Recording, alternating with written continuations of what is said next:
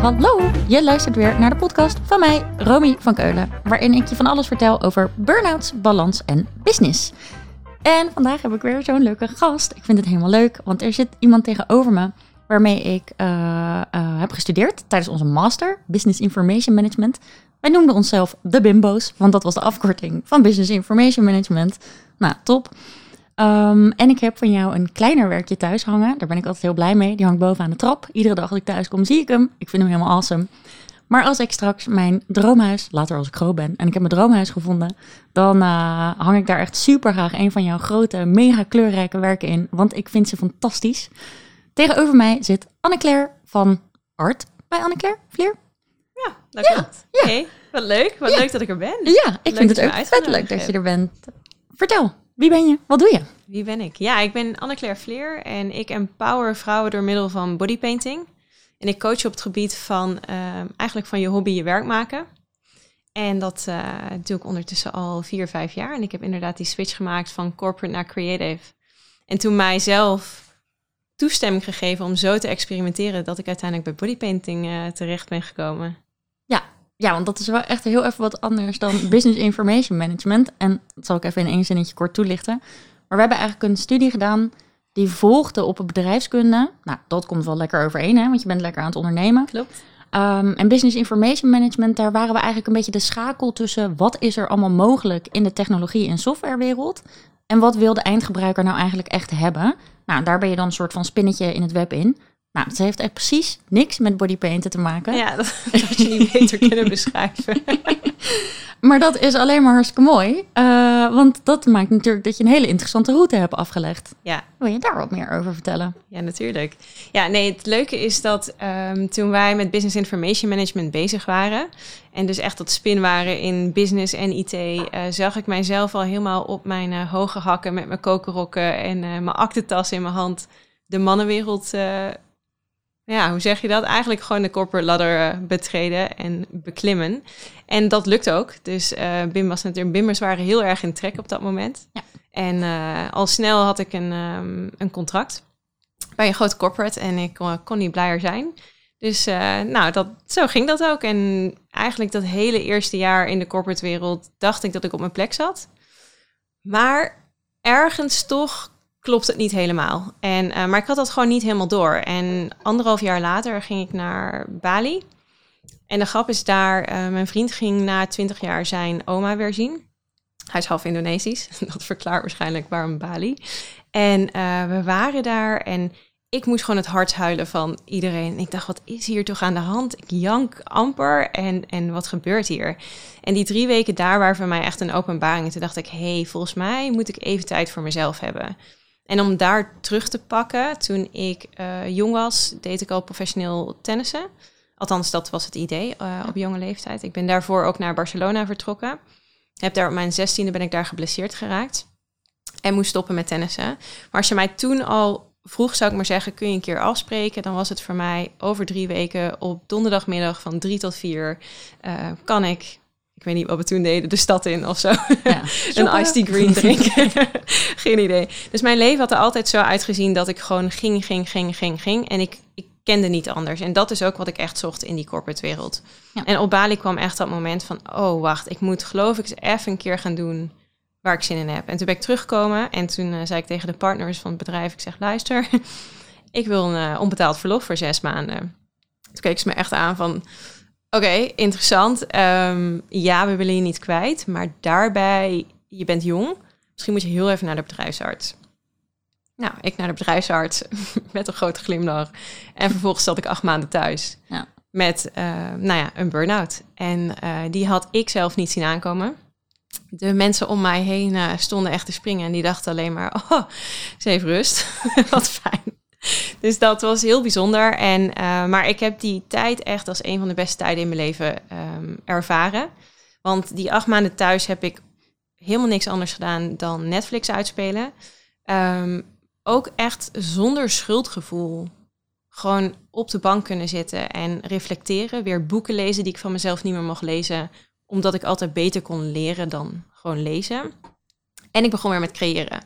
Dus uh, toen ik klein was, vond ik schilderen echt de bom. ik kon niet wachten tot kerst was en dat ik canvassen kreeg. En eh, ja, dat ik gewoon kon schilderen. En de grap is dat ik begon dat op te pakken en ik begon met van die mandala's. Nou, en dan moet je dus binnen de lijntjes Oh, ja, die tekenen. prikkeldingetjes. Ja, ja, nou, ja. ik kreeg helemaal jeuk. Ik denk, oké, dit, dit is alles wat ik niet nodig heb. Dus ik begon heel lijntjes. rebels buiten die lijntjes te tekenen. Ik denk, oké, nee, wacht, dit moet groter, dit moet explosiever. En eh, toen ben ik weer heel grote canvassen gaan kopen en ik kon gewoon niet stoppen.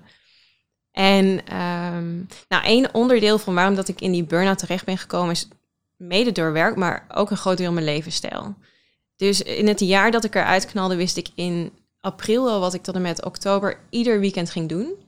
En een groot gedeelte daarvan was omdat mijn vriend op dat moment in Londen woonde. Dus ik vloog ook gewoon op en neer eh, ongeveer ieder weekend. En ehm, dat wilde ik gewoon veranderen. Dus ik heb toen besloten om naar Londen te verhuizen. En ik denk, nou, ik ga het gewoon rustig aan doen. En misschien iets met dat, dat kunstgedeelte, maar we zien het wel. En eh, ik kwam aan in Londen, toen kreeg ik dus een heel mooie joboffer bij een start-up. Oh ja. Dus het, het was een leuk idee dat ik rustig aan wilde beginnen. Maar ik dacht, nee, die corporate droom die kon ik toch niet loslaten. En het idee van mijzelf als creatieveling, ook die kon ik nog niet helemaal omarmen, zou ik maar zeggen. Nee, want dat is super anders. Je gaat echt Ja. van eh, volop in de laptop, PowerPoint, Excel, dat soort dingen. Ga je opeens naar iets met je handen doen. Ja. En die acht maanden thuis, die had mij echt wel doen inzien dat ik anders moest gaan leven. Ja. Maar toch, het triggerde te veel om dat nog los te laten. Dus ik ben toen ehm, bij die start-up begonnen. En eh wederom, dat is wel grappig. Dus acht maanden later was ik weer op vakantie. Stond ik op de bergen van Oostenrijk. En toen had ik weer zo'n inzichtmoment. En dacht ik echt, keek mijn vriend aan. Ik zeg, lieve schat, dit gaat hem niet worden. Ik, ehm, en het is grappig hoe je lichaam daarin echt een rol speelt. Ja. Want dat, die begon bij mij al op te spelen. Toen ik dus tenniste en geblesseerd raakte. En achteraf gezien bleken dat allemaal spanningsklachten. En ehm, toen ik werkte bij die start-up in Londen, kreeg ik dus echt puisten alsof ik 12 was. Ik eh, had iedere maand had ik de griep. Ik had opgezwollen klieren. Nou, alles wat je kon bedenken. En toen dacht ik, wow, maar mijn lichaam, wat heb ik nu eigenlijk geleerd tijdens die burn-out? Mijn lichaam heeft, geeft gewoon aan dat dit niet oké is. Ja. En ik ben teruggegaan. Ik heb de dag daarna mijn job opgezegd. Ehm, en de grap is, ik loop weg uit het kantoor en letterlijk vanaf de dag daarna heb ik geen puis meer gezien. dus dat is al mooi hoe je lichaam dat heel erg aangeeft en hoe erg belangrijk dat is. En waarom dat zo belangrijk is, komt zo meteen ook terug als ik vertel over het bodypainten, want dat is daar natuurlijk een groot onderdeel van. Ehm, maar toen had ik dus geen job meer en ik was heel veel bezig geweest met abstracte kunst. En ik dacht, nou, weet je wat, ik word gewoon abstracte kunstenares. Ik denk, nou, we hebben BIM gestudeerd, dus ik weet wel hoe ik een website in elkaar moet knutselen. Ja. En ehm, dat heb ik gedaan. En toen dacht ik, oké, en nu? dus ik, ben, ik had al echt een onwijs grote collectie voor mezelf gemaakt van abstracte kunst. Maar wat ik dus echt in die burn-out en ook daarna met mezelf heb afgesproken is van... Geef jezelf nou eens de ruimte om te experimenteren. Ja. En eh, om echt alleen nog maar dat te gaan volgen waar je energie van krijgt.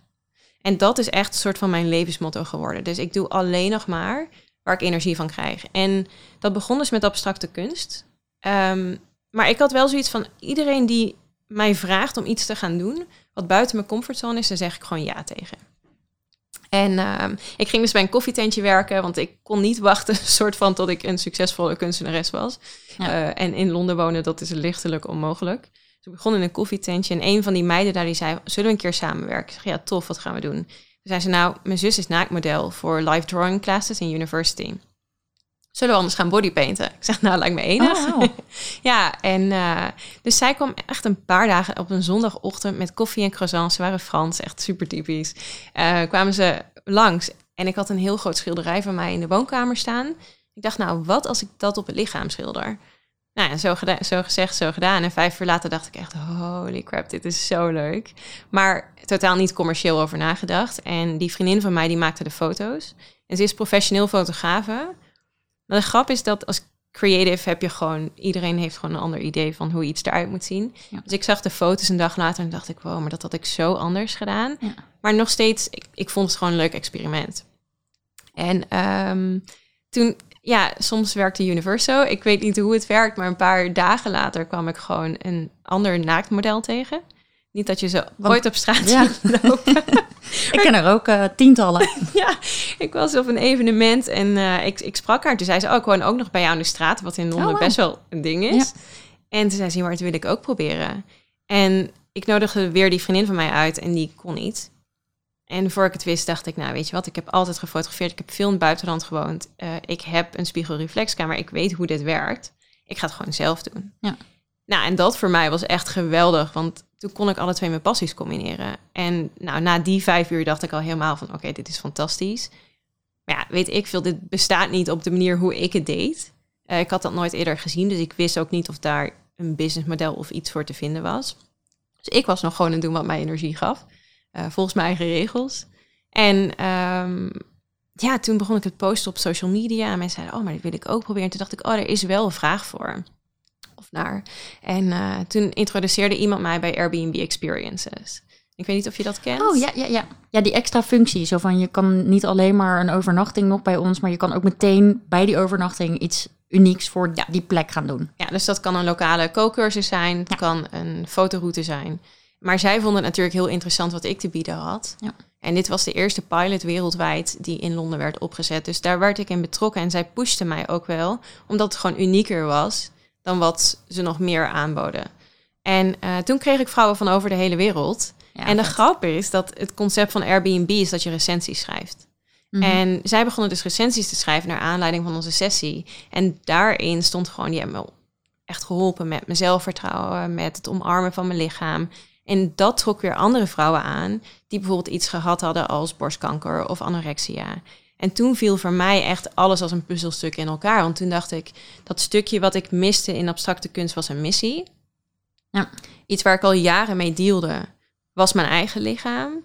En nu kon ik andere vrouwen helpen door dat te doen met wat ik super gaaf vond. Ja, ja en toen, uh, ja, toen uh, was ik opeens professional bodypainter. Ja, zo vet. Maar ja. ook zo mooi dat als alle lijntjes, regeltjes en al die dingen wegvallen... en als je gewoon open kan staan voor de ideeën en de mensen die op je pad komen... hoe anders is jouw pad nu? Dat is toch ja. insane? En dat is, ja, ik vind dat echt super mooi. En je verhaal vind ik ook echt... Nou ja, die burn-out vind ik niet per se super vet, maar... Wat ik wel een soort van mooi vind, is ik herken zoveel elementen hieruit. Soms is het alsof ik naar een onderdeel van mijn eigen verhaal zit te luisteren. Ik was in Indonesië op vakantie en toen dacht ik, dat was overigens voor ik in de corporate wereld ging werken. Maar ik deed al wel een stage, dus ik wist wel een beetje wat ik kon verwachten. En daarna ging ik dan uh, werken. Toen was ik in Indonesië, toen was ik midden in de jungle. En ik dacht, waar zijn we in Nederland allemaal mee bezig? Waarom moet het allemaal zo snel en zoveel en zo ambitieus? En ik werd helemaal daar al kriebelig van, wow, wat ik ga doen. Ik weet eigenlijk helemaal niet of dat dat is wat ik de rest van mijn leven echt wil gaan doen. Dus ik liep al een beetje met die, ja, en en ook, ik had mijn tas en mijn laptop en ik was helemaal ready to go. En ik had mijn hakken aan. En ik was ook in de mannenwereld. Want ja, eerlijk, de IT was oprecht een mannenwereld. Ja. Ik zat in een team met 18 mannen. Nou, ja. dat was soms heel gezellig tijdens de lunch. Ja. Soms ook helemaal niet. Um, dat was toch echt een mannenwereld. En ik dacht, ja, maar boeit mij het. Ik ga dit veroveren op mijn manier. En ik ga het voor elkaar krijgen. Ik ga lekker inderdaad op die corporate ladder omhoog klimmen. Terwijl ik eigenlijk constant ook al wist, nou, dit is het niet helemaal voor mij. Want ik ben een gevoelig, gewoon een gevoelige meid. Die gewoon met mijn gevoelens mijn, mijn, mijn goede dingen kan doen, zeg maar. Maar gevoelig, ja, uh, krijg je iedere keer de feedback. Kun je wat minder gevoelig zijn? Nou, nee. ja, bizar hè? Die feedback ja. die je dan krijgt van de collega's om je heen. Ja, en het is niet eens zozeer bizar, want het, niemand, heeft, uh, niemand doet iets expres of wil een soort van. Maar het is gewoon zo normaal. Iedereen kijkt om zich heen en dat is wat je moet doen om goed te functioneren en om promoties te maken. Dus jij doet dat ook. Of dat je de, daar kies je niet eens bewust voor, want je gaat er gewoon in mee. Ja. En, maar weet je, mag ik daar iets op, mag ik daarop inspringen? Want wat ik daar heel interessant aan vind, en dat is ook het stukje wat ik bij het bodypainten zie, is dat de kracht ligt hem dus heel erg in de kwetsbaarheid. Ja. Althans, de kracht van bevrijding dat jij je gewoon ontzettend energiek en goed voelt. Dat jij kwetsbaar mag zijn en vanuit daar mag acteren. En dat is iets wat in de corporate wereld, wat ik gewoon zo erg miste. Die faalangst die je constant hebt, omdat je constant de beste versie van jezelf moet zijn. En dat mag dan vooral geen versie zijn. Dat is mijn ervaring, hè, trouwens. Maar mag geen versie zijn die überhaupt fouten maakt. Hm. En die ook niet zelf nadenkt, want je moet maar leren van de persoon die het boven je heeft gedaan, want dan deed je in ieder geval niet fout. Dan bleef je een ja. soort van in dat lijntje. Dus voor mij, ik voelde daar compleet geen ruimte om kwetsbaar te zijn, terwijl dat een groot deel van mij is en een groot deel van jou ook. Ja. Ja, we hadden toevallig, uh, voordat we gingen starten, hadden we het over de recruitment evenementen. Nou, dat vond ik echt vet leuk om te doen. Maar um, een recruitment evenement, dan gingen wij dus als team naar, eh, naar een, weet ik veel, uh, universiteit toe. En dan gingen we vertellen over hoe ons werk is, om te kijken, joh, zijn we een match en wil je ook bij ons werken? En ik zei toevallig net, ik werd in de helft van die motivatiebrieven daarna benoemd. Maar dat was omdat ik super eerlijk vertelde, deze drie dingen vind ik super kut. Ja. Maar deze drie dingen zijn zo fantastisch. Weet je, ja, daar krijg ik zoveel energie van. En dan was het ook, omdat Romy zo open, eerlijk en kwetsbaar... en inderdaad ook durft te zeggen dat het niet altijd uh, zo fantastisch is. Ja, daarom, dat is de connectie die je met mensen Ja, maakt. mensen voelen dat. Ja. Die Ja. voelen echt daadwerkelijk of jij authentiek spreekt, ja of nee. Ja, precies. En dat is dan inderdaad wat je, waar je goed in bent en, en waar je in wil doorgroeien. Maar hoe groei je daar per se in door in de functies die wij hadden? Want natuurlijk zijn er in de corporate wereld ook functies waarin dat wel kan. Ja. Maar wij hebben vergelijkbare functies gehad. Ja. ja, daar is dat gewoon op een gegeven moment een beetje op. Ja, ik- het is wel grappig, want ik ben echt eh, extreem blij met mezelf als onderneemster, zou ik maar zeggen, en hoe ik daarin sta. Maar ik heb nog wel eens af en toe de neiging dat ik denk, wat nu als ik ooit gewoon een keer een soort van jaar weer terug ga in de corporate en me dan gewoon extreem kwetsbaar ga opstellen en gewoon kijken wat het doet en of dat echt iets is wat ik vond dat niet kon, omdat Ja. ik jong was en omdat ik die, die ladder wilde beklimmen. En of dat wel mogelijk is om daarin je grenzen aan te geven. Nou, dat is natuurlijk ook voor een heel groot gedeelte. Want er zijn hartstikke veel mensen die dat wel doen en wel die ruimte voelen. Maar ik denk dat wij jonge guppies, weet je wel, vanuit een ambitieuze master wil je ook super laten zien dat je het allemaal wel kan. En Ja. bij mij was ook de valkuil. Ik wil ook laten zien dat ik het in mijn eentje wel kan. Dus dan vraag je ook geen hulp. Dus je maakt ook een soort van, kijk mij eens even stoer doen in de mannenwereld en een soort van schild bouwen en ik heb geen hulp nodig. Ehm, ja, dus je voelt zelf die ruimte niet. Tuurlijk is die ruimte er wel, als je hem creëert. Maar misschien voelden we niet dat dat Ja. kon voor Ja, en ons ik denk dat, moment. daar een, een ehm, hoe zeg je dat? Een, eh, een, een, zou ik maar zeggen, als de mensen die boven ons staan in de corporate, boven ons, maar in ieder geval die hoger op de ladder staan, dus laten we zeggen senior managers, eh, directors, als die een voorbeeld zouden geven dat je kwetsbaar mag zijn, dat jij als jonge vrouw, jonge man in de corporate wereld dat misschien ook meer zou voelen. Of in ieder geval meer de ruimte zou voelen van, oh, maar als die dat kan, dan mag ik dat ook. Dus ik, dat vind ik wel heel interessant. En dat vind ik ook met het stukje bodypainten wat ik nu doe. Dan zijn het vaak de moeders. Want het gaat heel vaak met onzekerheid rondom lichamen. Ehm, dat, dat zie je heel vaak bij jonge mensen al gebeuren. Maar ik denk als moeder zijn heb je daar ook zo'n voorbeeldrol in. Mhm. Een voorbeeldfunctie. En dat je dan, als je daar iets kunt veranderen, dan kun je onderin kun je ook iets veranderen. Ja, absoluut, absoluut. En zelfs, ik had bijvoorbeeld wel zo'n voorbeeld. Iemand die boven mij stond, die zich wel kwetsbaar op durfde te stellen. Maar dan nog, de, de, de vibe, zeg maar, die... Ja, ik weet niet, ik voelde gewoon die ruimte niet. En dat is, denk ik... ehm, dat is voor mij in ieder geval die positieve draai die die burn-out aan mijn leven heeft gegeven. Ja, die burn-out was kut. En ja, ik lag op de bank en ik was vorige week een weekendje weg met vriendinnen. En toen heb ik pas voor het eerst eerlijk tegen hun gezegd... Yo, ik was zo bang dat jullie mijn vriendinnen niet meer wilden zijn, weet je wel. Dat jullie beter met z'n drieën best friends konden zijn, omdat jullie wel blij en energiek waren. En ik als een hoopje verdriet op de bank lag en altijd alleen maar een beetje aan het klagen was. Ja, Maar, en nu kon ik daarom lachen. Ik dacht, en ik vond het ook wel een beetje zielig voor mezelf hoor, dat ik er toen zo bij lag. Maar nu dacht ik echt, wow, ik, hoe, eh, nou, anyways, dus die burn-out was echt niet leuk. Daar, gaan, daar zitten echt verschrikkelijke gevoelens en emoties en bleh, gewoon zwaar. En jij, eh, ik weet ook nog dat ik jou toen heb gesproken en dat jij zei, ik heb de afgelopen drie maanden precies niks gedaan. Ik zit op de bank voor me uit te staren, want ik kan niks. Ja. ja, dat gun je niemand. Dat is echt niet leuk. Maar de keerzijde, hoe jouw leven, nou, hoe, niet hoe jouw leven er nu uitziet, hoe jij jouw leven super bewust aan het inrichten bent Ja. zelf. Gewoon die touwtjes in handen. Ja. En hoe ik dat nu ook aan het doen ben. En dat heeft helemaal niet per se te maken met je moet ondernemen, want dan heb je de touwtjes in handen. Maar meer dat je de ruimte voelt. Dat alle aannames, filters, alles wat je eerst, weet je wel, oh, ik moet me aanpassen om hier een soort van in mezelf als een vierkantje in dit rondje te proppen, terwijl het helemaal niet past. Dat je dan zegt, fuck dat rondje of vierkantje, whatever. Ik, doe, ik ben gewoon mijn eigen figuurtje, zeg maar. En als al die dingen wegvallen, ja, en als je dan zelf kan inrichten en zelf mag kiezen, of in ieder geval een keertje door hebt dat je mag kiezen. Ja, man, dat is zo vet. Dan Ja, maar je- ik denk dat daar wel dus iets aan onder... da- daar gaat iets aan vooraf. En dat is het mooie aan een burn-out. Dat je dan echt in jezelf mag... ehm, je mag je in jezelf gaan verdiepen. Ja. En als jij niet weet wat jou blij maakt... als Ja. jij niet weet wat je energie geeft... dan kun je dus ook je leven niet zo inrichten. Ja. En dat is vanuit mijn ervaring het allerbelangrijkste geweest. Tot die burn-out kon ik mijzelf. ehm, ik, ik deed maar wat. Ja, ik deed letterlijk. Ik probeerde te voldoen aan plaatjes. Ja, je maakt jezelf ook van En alles wijs. Ja. Ja. Maar dat is ook wat je om je heen zag. En daar ging ik naar leven, want dat was mijn definitie van succes. Ja. En tijdens die burn-out heb ik mijn definitie van succes compleet omgegooid. Ja. En is voor mij echt geweest dat stukje van, oké, waar zit mijn energie? Maar ik had voorheen ook geen idee wanneer die energie... En daar hadden we het net natuurlijk ook nog even over voor eh, afgaand aan dit gesprek. Is dat mannen en vrouwen ook vaak anders in een, in een cyclus zitten qua energie. Maar iedereen is daarin anders. En sommige mensen kunnen om vier uur 's middags echt beter gewoon even een rondje gaan wandelen voordat ze weer gaan werken. En sommige mensen die kunnen beter om zes uur 's ochtends beginnen. En daar zit zo'n verschil in. En ik denk dat je dat eerst moet leren begrijpen van jezelf. Absoluut, absoluut. En zeker ook toen, weet je wel, hoe vaak ik mezelf wel niet gewoon echt met buikpijn achter zo'n laptop heb gezet. Weet je wel, je moet nu dit doen. Het moet echt, want er zit een deadline aan of whatever, weet je wel. Alsof ik echt een hartchirurg was en alsof de wereld zou vergaan als ik mijn werk niet zou doen. Ja.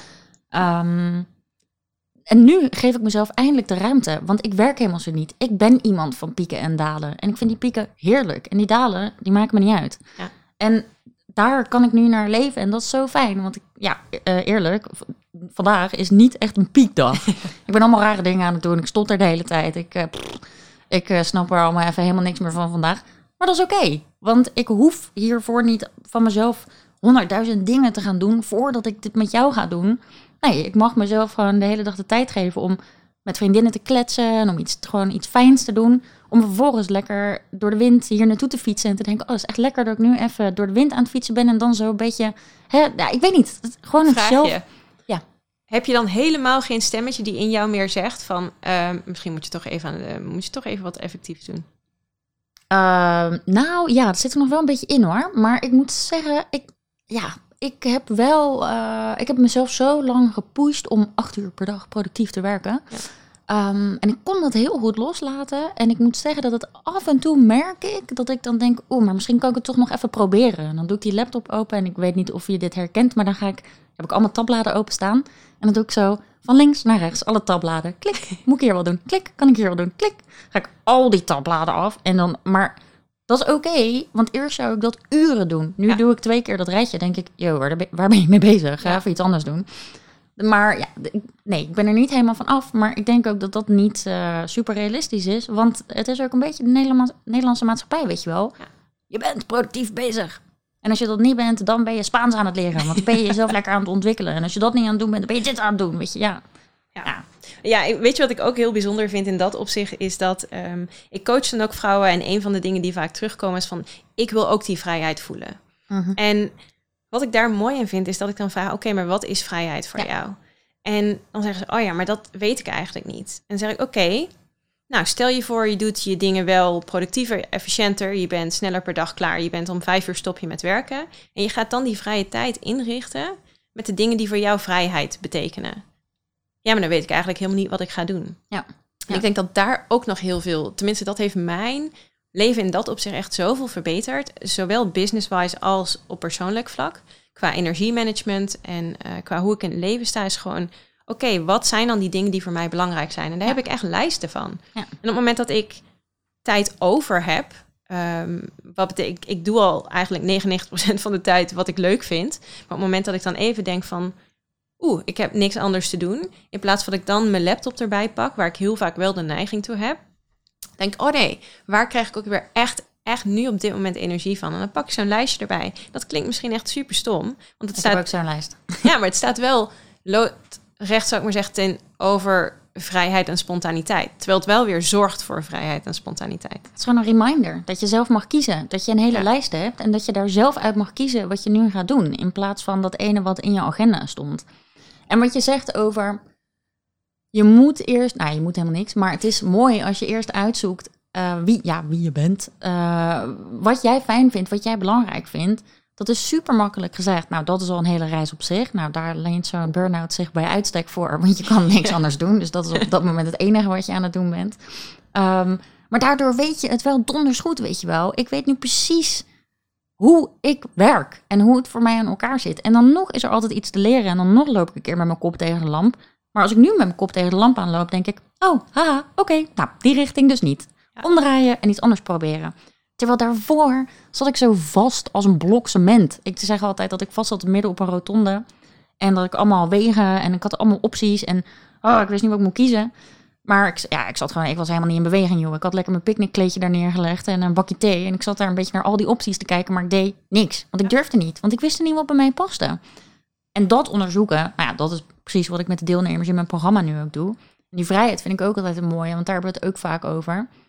En inderdaad, nou, je gaat dan in stapjes uitzoeken, wat vind ik belangrijk en wat past bij me en, en, en hoe, hoe werk ik dan? En als je daarna je leven op die manier zo kan inrichten, met al zijn maar piepkleine dingen, ja. nou, dat is echt al winnen. Dan heb je gewoon, uh, ben je helemaal in charge, weet je wel. Dat is echt super vet. Ja. Maar ook wat je zegt over die vrijheid, die kom ik namelijk ook heel vaak tegen. Wil je vrijheid omdat je niet meer de, dat gevangengevoel wil hebben? Of wil je vrijheid omdat je dan al die dingen kan doen waarvan jij hebt uitgevogeld dat jij ze vet vindt?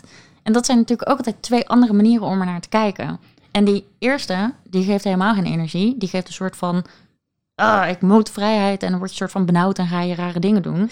En die andere geeft echt constant een soort van, ah, ik mag al die dingen doen. En een soort energie en adrenaline. Ja, ja ik vind het echt, uh, ik vind het helemaal vet. Ja, maar ik denk dat dat ook wel tof is wat jij zegt van, dat je mag. En dat is weer dat stukje jezelf toestemming geven om vrijheid te voelen. Um, en als ik het dan weer terugpak, inderdaad ook naar mijn bodypaint klanten, dat de reden dat zij komen is omdat zij bevrijding willen. En daarin kan ik ook twee soorten, precies hoe jij het eigenlijk zegt, van ik, ik hou niet van labels op dingen plakken. Maar het is wel, er zijn bepaalde vrouwen die daar komen omdat ze echt vastzitten in hun lichaam mentaal en fysiek in hun lichaam vastzitten. En echt denken van oké, ik moet daar staan en ik, ik moet een bepaalde vrijheid ervaren. En dan kun je het nog steeds ervaren. Hè? Dus Mhm. dan kun je nog steeds die vrijheid ervaren. Maar je valt daarna gewoon veel sneller terug. Omdat je niks hebt om op terug te vallen. Ja. En dan zijn er de vrouwen die al hebben besloten dat ze die vrijheid hebben. En dat dit een extra push is. En een extra manier om buiten hun comfortzone te komen. Ja. Ja, en die, die stralen nog weken daarna, zou ik maar zeggen. Ja, absoluut. Maar en in dat opzicht is het natuurlijk.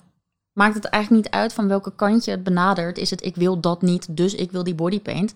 Je bent wel een soort van katalysator om weer in beweging te komen. Ja, precies. Want dat is dan, zo'n vrouw zit dan misschien niet net zoals ik met een picknickkleedje, weet je wel, op die rotonde een beetje. Ik kan hem helemaal visualiseren. ik heb wel een tijdje lekker gezeten. Ehm, maar dat is iemand, inderdaad, wat jij zegt, zit helemaal vast in haar lichaam.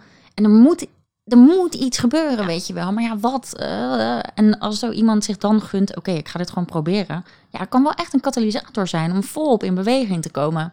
Ja, dat dat, is zei je natuurlijk- net ook. Ja. Van, het hoeft ook niet altijd alleen. Nee. Je mag hulp vragen. Ja. En het is oké. En juist als je heel erg denkt van ik moet dit alleen, ik moet dit alleen, ik moet dit alleen, dan kom je vaak ook gewoon niet uit die tunnelvisie. Nee. Dus het is ook gewoon heel goed om soms te investeren in jezelf. Ja, nou ja, daar, ja, want dat is wat ik ook heel vaak tegenkom eh, met mensen met eh, beginnende burn-out klachten. Die denken, ja, maar mijn vrienden en mijn familie zitten toch niet altijd op mijn gezeik te wachten. Dus dit is mijn probleem en ik ga dit oplossen. Ja, oké, ja, dat gun ik je niet, man. Want dat is wel een eenzame reis. Ja. En, het, ja, en inderdaad, en dan heeft het weer te maken met waar we het eerder vandaag al over hadden, weet je wel. Koop je een trui voor 100 euro, een soort retail therapie. Of geef je die 100 euro even aan gewoon ah, jezelf uit en onderzoeken wat, ja, wie ben ik? Ik vind dat altijd een beetje gek klinken, want dan Ja. denk ik, ja, ik ben Romy. Maar Dus- meer dus dat wat vind je steeds, dus, belangrijk ja. en, en, en, en wat vind je echt, weet je wel, waar krijg je echte energie van? En wie ben jij in, ten opzichte van al die andere dingen? Ehm, en dan eh, heb je uiteindelijk die nieuwe trui helemaal niet meer nodig, want dan ben je al blij met, eh, nou ja, no offense, een oude trui, denk ik, die je aan hebt, waar allemaal verfvlekken op zitten. En dan loop je ook blij door het leven. Anneke, Romy beschrijft het niet bij. Die je rechtstreeks vanuit de studio hier is binnenkomen lopen. met verf op de gezicht ook nog. ja, Nee, maar absoluut. En ehm, het mooie vind ik altijd op het moment dat jij besluit om in jezelf te investeren. En of dat nou een dagje sauna is, of dat dat coaching is, of wat dat dan ook is. Ja. Op het moment dat jij er al ja tegen zegt, op het moment dat jij het geld betaalt, dan begin je die vrijheid al te voelen. Ja, want je maakt een commitment aan jezelf. Precies, en dus- wanneer doe je dat nou? Ja. Ik zit er even terug te bedenken. Wanneer maakte ik eerder commitment aan mezelf? Ja, als ik mezelf gunde om op vakantie te gaan. Ja. Maar eerlijk waren die vakanties ook een soort van... Oeh, ik moet nu weg, weet je wel. Ik moet echt weg, Bijtanken anders gaat het niet. Ja, Ja. joh. Ja, ik ben een keer een maand naar Australië gegaan, een vriendinnetje opgezocht. Maar dat was voornamelijk eh, omdat ik eh, daarvoor heel tijd paniekaanvallen had. Omdat ik het zo druk had. Ja, Wat fuck. Ja, nee, precies. Dus dan gunde ik mezelf eigenlijk pas die vakantie op het moment dat de nood zo hoog was Ja. dat ik weg moest. En Ja. vakanties vinden we allemaal normaal, hè? Want twee keer per jaar op vakantie, nou, dat eh, zeker in de corporate wereld hoort er allemaal bij, is allemaal normaal. Dus dat zien we al niet eens meer als een investering in onszelf. Ehm, en alles wat er buiten valt, nou, dat is echt helemaal eh, oeh, spannend, weet je wel. Ja. Maar hoe vet is het? Maak even een keer commitment aan jezelf, weet je wel. In plaats van aan al die dingen die je voor een ander doet. Ja, ja ik weet niet. Ik, als ik nu kijk naar ons leven toen en nu, ja, het is wel echt eh, een mega verschil. Dan zit ik hier met een grote glimlach als ik dat hoor. Ja. Ik maar zeggen, als ik ons hoor praten over waar we vandaan kwamen. En Ja. ja. ik vond dat ook een hele mooie periode. hè. Ik heb daar heel Oh, veel ja. geleerd en ik ben daar heel veel tegengekomen waar ik nu nog steeds heel veel aan heb. Dus ik ben ook heel blij dat dat proces er is geweest. Ja, Dat ik die journey doorlopen ben. En ik denk dat iedereen daarin zijn persoonlijke journey heeft. Ja. Maar inderdaad, op het moment dat jij echt besluit van oké, de basis is eigenlijk bij mij. En de energie ligt bij mij. En de kracht ligt bij mij. En alles ligt bij mij. En vanuit daar mag ik gaan opereren. Ja. Ehm, dat is eigenlijk waar mijn leven compleet veranderd is. Ja, absoluut. En dat inzicht, ik vond het zo moeilijk. Eh, ik ging toen naar een coach en die zei... eh, ja, als je doet eh, wat je deed, dan krijg je wat je kreeg. En ik dacht echt, nou, ik doe toch mijn best, weet je wel. Ja.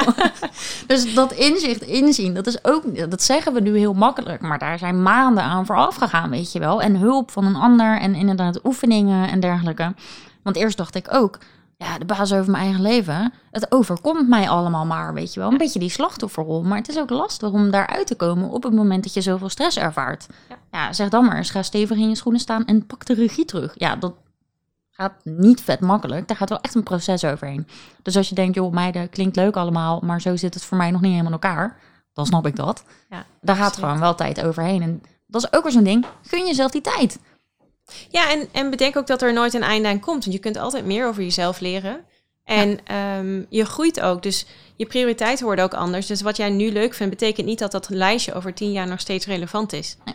Dus dat is ook een, een, ehm, een constant proces waar je gewoon constant even met jezelf blijft inchecken. Van hé, hey, oké, ik heb heel veel geleerd. Eh, is dit nog steeds altijd de goede manier van mij? Oh, ik begin toch weer moer te worden. Oké, wat kan ik dan doen om weer die regie te pakken en misschien wat dingen aan te passen in mijn leven? En wij zijn natuurlijk eerder allebei zo hard met onze kop tegen de lamp aangelopen dat we wel moesten. Ja. Maar dat is voor ons, ja, eh, eh, Tineke, dat is, was ook jouw business coach, nou, ook een tijdje die van mij. Ehm, en die zei ook, ja, zo'n burn-out, dat is een cadeautje in een lelijke verpakking. Want eh, nou, op het moment dat je erin zit, zie je dit niet als een cadeau. En het is echt geen leuke ervaring. Maar het is wel een cadeautje. Want je gaat echt niet nog een keer eh, zo tegen die lamp aanlopen. Dat ga je gewoon echt niet meer doen. Je neemt jezelf daarna zo serieus. Gaat gewoon niet, eh, tenminste, nee, dat gaat gewoon niet nog een keer gebeuren. En je grijpt veel sneller in nu. Dus als je inderdaad merkt, ah, ik zit er even, ik ben er inderdaad moe. Of ja, daar hadden we het net over, weet je wel. Je hebt, het, je hebt superveel, eh het, gaat, het gaat super snel bij jou. Ja. En ik heb zo'n week waarvan ik denk, oh, nou, eh chocomel en eh, gordijnen dicht en laat me allemaal heel even met rust. Maar dat is helemaal oké. Ja. En dan in plaats van dat je jezelf gaat forceren om dan toch weer iets van jezelf te verwachten, gun je jezelf nu gewoon van alles Maar, eigenlijk. ja. maar daar gebeurt de magic. Want dan zit jij op die bank en na drie dagen verveel je je zo dat je denkt van, oh, maar hey, dit is een goed idee. En dan kun je meteen weer in actiemodus komen. Dan ben je en opgeladen, plus je hebt een soort van briljant idee, want dat gebeurt altijd als je even die rust neemt. Ja. Of als je even op vakantie gaat. Ja. Eh, maar wel op vakantie op het moment dat je het niet nodig hebt, maar op vakantie gewoon omdat je er zin in hebt. Ja. En als je dan die afstand even hebt, dan, dan komen die ideeën en dan, dan wil je weer gaan. Ja, absoluut. Dan heb je geen andere keuze, dan wil je gewoon. Ja, absoluut. En misschien waar je dus eerst inderdaad maanden... Nou, als je dus echt vol met je kop tegen die lamp aanloopt en in die burn-out belandt... dan heb je dus maanden op die bank nodig. Ja, voor mij is dat nu vaak een uurtje, weet je wel. Als ik zeg, ik zit op de bank met de gordijnen dicht... is dat letterlijk een uurtje of twee. En daarna begint er weer van alles, ah, energie te kribbelen, ideeën. En dan uh, wil je Herkenbaar. allemaal dingen. In een lekker warm bad en dan je telefoon net te ver naast je hebben, zodat je hem niet kunt bereiken, terwijl je alweer zes ideeën hebt. En dat je denkt, oh, nu moet ik toch echt weer uit dat bad komen Ja, ja, ja. om die ideeën op te schrijven. Dat heb ik altijd onder de douche. Dan sta ik zo een beetje te zingen en te dansen. En dan denk ik, oh, ik wou dat ik zo'n soort van Google Home ding had... waar dan je dan kan tegen zeggen, record. En dat je dan je ah, ideeën daar Nou, ik heb mijn vriend dan, zeg ik altijd, hey, kom even hier, kun je dit even voor me opschrijven? Doet hij ook nog. Oh, wat chill. Ja, ja want dat, eh, dat is trouwens ook nog mooi, hè? Die zag ik gisteren. Uh, jouw vriend was jarig. Ja, dat klopt. Nog gefeliciteerd. Dankjewel. Vet leuk. Ik ken jouw vriend uh, niet, maar een piepklein beetje. Ik weet namelijk nog super goed. Um, we waren toen op die introductiedagen van die master. Ja. En hij was toen mee, want hij was een soort van begeleider of zo. Ja, wat deed hij daar? Ja, hij, zat, hij, ja, hij deed BIM het jaar voor ons en hij organiseerde dat weekend. Oh ja. Nou, en ik wist toen nog niet echt dat ik een gevoelige meid was. Dus Ja. dat als ik uh, twee dagen lang in een massale groep van mensen die ik niet ken moet opereren, dat ik dan een beetje overweldigd kan raken. Daar had ik toen nog geen idee van. Ja. En ik weet nog zo goed dat hij maar iets van een peper of een zoutvaatje aangaf. En dat ik zo overweldigd was. Ik dacht echt, wauw, wat gebeurt hier allemaal? Toen trok ik volgens mij die deksel eraf. En toen zat zijn hele eten onder het... ik weet niet meer of het peper of zout was, maar dat was echt uh, top. oh, wat Um, leuk. Ja, dus daar, daar ken ik jouw vriend van. nou, ik ken hem daar ook van, van dat weekend. dus dat scheelt Op een andere manier. Ja. Ja. ja, maar dat las ik. Hij is ook altijd vet uh, supportive, toch? Met wat jij allemaal aan het doen bent. Want het is ook natuurlijk wel een... Het is ook wel een verhaal, weet je wel. Hakken, mantelpakje, uh, laptoptas en even de corporate wereld gaan veroveren. En dan in één keer is het uh, huilen op de bank. Ja. En dan is het opeens, uh, weet je wat? Ik ga met verf lopen smijten op een heel groot doek. Ja, dat is wel En een avontuur. vrouwen. Oh ja, ja, dat- ja, en dan ook nog dat inderdaad. Ja, dat is wel een avontuur, toch? Ja, en, um, en hij staat lijnrecht eigenlijk tegenover de persoon die ik nu ben. We hadden dezelfde dromen toen we begonnen. En um, hij houdt heel erg van zekerheid. Ik ben nogal impulsief en spontaan. Um, dus dat, dat heeft wel interessante gesprekken opgeleverd. En, uh, maar hij heeft altijd vanaf dag één gezegd van... luister, als jij daar gelukkig van wordt, ga het vooral doen. En ik heb gewoon vertrouwen in jou. En um, ja, wat je zegt, ook hij gaf mij de tijd. Ja. En hij zei ook van, oké, okay, het zal niet overnight een succes zijn. En weet je, dat heeft voor mij wel echt heel erg geholpen. Aan de andere kant gaf hij me ook wel weer druk, omdat als je partner een bepaald uh, niveau verdient en je hebt samen dromen, je wil naar de toekomst, huis, kinderen, dan heb je wel zoiets van: oké, okay, maar ik wil wel op een bepaalde manier kunnen bijdragen. En als je die, dan voel je toch wel een beetje die druk. Maar gelukkig hebben we daar altijd heel goed over kunnen praten. Ja. En een middenweg in kunnen vinden en, en gewoon lange termijn kunnen kijken. Dus daar ben ik echt heel dankbaar voor. Ja, ja dat is super mooi. Dat heb ik uh, bij mij precies zo. Um, maar wat ik eigenlijk wilde zeggen was. Zo, ik ben het even helemaal kwijt. Zie je, dat is zo'n dag. Dat maakt niet uit. Nee, maar ik, dan zal ik even... Um, want ik denk niet dat je nodig hebt om zo'n supportive partner nee, te nee. hebben.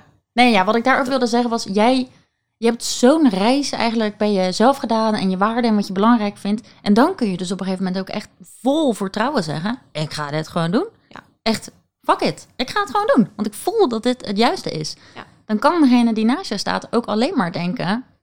Ja, go Ja. for it. Want ik zie dat je jezelf vertrouwt en ik zie dat dit jou gelukkig maakt. Dus tuurlijk ga je dit doen. Maar ja, daarvoor heb je wel dus weer eerst uit te zoeken. ehm, wat wil ik en wat Waar word je belangrijk? blij van? En dat zelfvertrouwen terug te eh, Ja. sprokkelen. En, ja, en wat jij zegt, het zelfvertrouwen kan ook echt eh, van dag tot dag veranderen. Ja. En dat is ook oké. Maar inderdaad, als jij gewoon weet waarvoor je het doet, dan ehm, pak je jezelf ook wel weer op. En dan geef je toch alles. Maar dat betekent niet dat je iedere dag 100% van de tijd vol zelfvertrouwen moet zitten. nee, nee, helemaal niet. Nee, tuurlijk. eh, iedereen heeft toch constant twijfels. Maar het gaat er denk ik meer om hoe je daarmee omgaat. En of dat je jezelf dan ook weer gunt. Ja. Dat je daar tijd voor mag nemen. Of dat je even wat relaxer tegen jezelf doet. Ja, absoluut. Ja. Nou, ik vind het echt een mooi verhaal, eh Anne-Claire. Dankjewel. Ik vind het heel vet. En ook inderdaad van corporate naar creative. Ja, tuurlijk dacht ik ook... Yo, wat ga jij nou doen? Weet je wel? Bodypainten, wat is dat? Maar dat maakt natuurlijk super vet. Want wie, eh, wie doet dit nog meer? Ik heb echt geen idee. Ik ken wereldwijd niemand die hetzelfde concept doet op de manier waarop ik het doe. Nee, precies. Nee, dus ja, dat is wel echt eh, iets wat je zelf helemaal hebt bedacht... en er vol voor bent gaan. Dat is natuurlijk super vet. Ja, nee, nog steeds onwijs dankbaar voor. Ja, heel nice. Een grote glimlach uit bed eh, dat ik weer vrouwen in hun kracht mag zetten en eh, alle bijzondere verhalen mag horen en ze daarin ook mag stimuleren. Dus eigenlijk alles wat we hier bespreken, Ja. dat ik dat ook één op één in een soort van veilige ruimte met hun kan bespreken en hun daarin kan motiveren. Ja, ja. En in die woorden, precies dat doe ik nu ook met de deelnemers in mijn programma. En dat is toch echt het mooiste wat er is. Ik vind het zo vet. Inderdaad, iemand die haar verhaal volledig aan je vertelt. En dat je het ook zo goed begrijpt, weet je wel. Ja. Want je kent je. Ik, oh man, ik snap je. Ik snap je zo goed. Ja. Maar het kan ook anders. En dat je dat dan beetje bij beetje, stapje voor stapje in kan gaan laten zien. En dat zo iemand ook weer energie krijgt en een glimlach. En op een gegeven moment ook zegt: fuck it. Ik ga het gewoon op deze manier doen. Ik ga het gewoon op mijn manier doen. En dat je dan ja. Ja, dat je gewoon... Ik heb gisteren nog een mail gestuurd naar een klant. Ik zeg, oké, zij stuurde... Ja, ik ben al letterlijk sinds ons gesprek van maandag en dansen in de woonkamer. Mijn man zegt, moet je niet iedere dag, zou ik maar zeggen, dit soort calls doen? En dat ik gewoon zeg van, ja, maar ik ben gewoon mee in dansen. Want ik, Ja. ik kan niet anders dan hier echt super gelukkig. En ik jank ook met ze mee. En Ja, ja, het is same. zo bijzonder hoe je je... ehm, bijvoorbeeld als je in zo'n burn-out zit, wat jij zegt, dan kun je je ook heel alleen voelen. Ja. En ehm, hoe als je juist nu mensen... Je trekt door je eigen energie, trek je mensen aan die op die hetzelfde denken of die hetzelfde willen denken. En het kunnen gewoon vriendinnen van je zijn. En dat vind ik zo bizar. Ik denk van, je hele leven denk je wel eens van... oh, ik voel me soms best wel anders dan anderen. En nu heb ik alleen maar vrouwen waarvan ik denk... oh, ik zou echt gewoon vriendinnen met je kunnen zijn. Ja. Dat vind ik echt fantastisch. Ja, dat is leuk hè? Ja, heb ik ook in mijn programma. Ik, oh, ik heb echt zin in dat gesprek. ja. Ja, superleuk. Ik, eh, ja, nogmaals. Hoe, eh, en, en, en ook wat je zegt, die reis die we hebben afgelegd. Ik heb daar precies hetzelfde idee bij. Weet je wel, nergens spijt van. Dit was gewoon zoals ik het had moeten doen. Ja. En ik was gewoon een beetje eigenwijs. Dus ik moest inderdaad ook gewoon even lekker met mijn kop tegen de lamp aanlopen. Maar de positieve draai die het nu aan mijn leven heeft gegeven. En bij jou zie je dat natuurlijk nu ook. Ja, we zitten hier echt eh, ah, helemaal excited over ons ding te vertellen. Ja, ik vind het alleen maar mooi. Ik ook. Nou, vind je dat een mooie afsluiter? Of eh, wil je nog wat anders vertellen? Nee, eigenlijk niet. Gewoon Nee. echt van... Voor iedereen die dit hoort, gewoon van volg datgene wat je energie geeft. Ga eerst uitzoeken wat het is. En ja, dan dat. zorg dat dat gewoon de leidraad wordt in jouw leven. Ja, en gun jezelf gewoon shit. Gun het. Ja, nou ja. ja. En ook hulp, want eh, nogmaals, het kan allemaal best wel een beetje een eenzame reis zijn. En het is ook Overweldigend. Ja, precies. En niet iedereen kan de Eat, Pray, Love methode doen, weet je wel. Zeker al helemaal in coronatijden niet. Dus dan moet je het ook maar gewoon allemaal thuis op je bankje gaan uitlopen vogelen. En dat is inderdaad niet altijd makkelijk. Maar er zijn allemaal mensen die staan te lachen en te dansen in hun woonkamer om je erbij te helpen. Dus dat is het ook weer mooie ervan. Ehm, nou, dan ga ik hem denk ik afsluiten. Ja, jij bedankt dat ik hier mocht zijn. Nou, ik vond het vet leuk. Ik noem je altijd. Akkie. En Ja. ik dacht, ik moet het niet doen, maar ik ga het toch doen. Ik vond het ook vet leuk dat je er was, Akkie. Super Eh, gezellig. en Bartje, jij ook weer enorm bedankt voor het produceren van de podcast. Ehm, heel erg leuk dat je hebt geluisterd. Als je hier wat aan hebt gehad, dan zou het awesome zijn als je dat even kan aangeven in de review-sectie. Je mag mij ook een berichtje sturen. Stuur ik dat ook door naar Anne-Claire. Vinden we leuk. Ehm, maar met die reviews kunnen andere mensen de podcast wat makkelijker vinden. Dus dat zou mooi zijn. Als je meer informatie wil, dan kan je altijd naar mijn website burnoutbadass.nl. Anne-Claire kan je vinden onder art by Anne-Claire Vleer op Ja, op Instagram. web. Ja, precies. En www.anneclairevleer.com. Ja, precies. En eh, je kan je, mij ook volgen trouwens op Instagram, @burnoutbadass. Daar vind je allerlei info op wekelijkse basis. Eh, en bekijk ook zeker even de highlights die relevant voor je zijn. Vertel van alles over mijn verhaal, klachten, dat soort dingen. En bij Anneke kan je ook dat hele mooie tips over je hart volgen en intuïtie en zo vinden. Dus ga die zeker ook volgen. Nou, dan eh, tot de volgende.